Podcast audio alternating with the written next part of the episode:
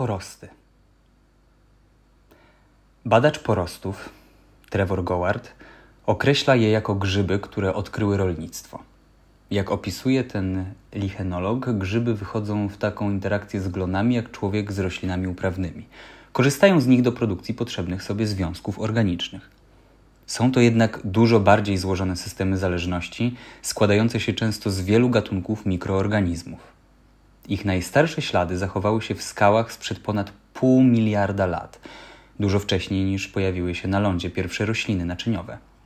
Istnieją hipotezy, że dewońskie skamieniałości mające cechy żyjących dzisiaj grzybów, ale mierzące do 8 metrów wysokości, mogły być grzybami lichenizującymi. W tamtym czasie nie wyewoluowały jeszcze drzewa, porosty te stanowiły więc dominujący element ekosystemów lądowych. W tamtym czasie nie wyewoluowały jeszcze drzewa, porosty te stanowiły wtedy dominujący element ekosystemów lądowych. W skład dzisiejszych porostów wchodzą grzyby strzępkowe, drożdże i często kilka organizmów fotosyntezujących, najczęściej jednokomórkowych zielenic lub cyjanobakterii.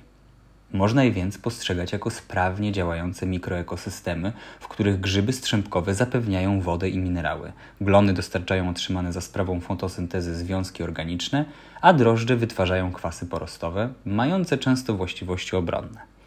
Niektóre sinice potrafią zaś wychwytywać z powietrza azot, który jest kluczowym składnikiem budującym wszystkie organizmy żywe. Główną cechą porostów umożliwiającą im życie w ekstremalnych warunkach jest ich zdolność do przetrwania w warunkach suszy. Przechodzą wówczas w stan uśpienia, a po ponownym pojawieniu się wody wznawiają swoje czynności życiowe. Zdolność ta umożliwia im kolonizowanie nieprzyjaznych zakątków naszej planety, takich jak obszary podbiegunowe, wysokie partie gór czy betonowe pustynie. Na terenie Nowego Teatru udało się spotkać porosty z rodziny obrostowatych i z rodzaju złotorost, porastające pnie drzew.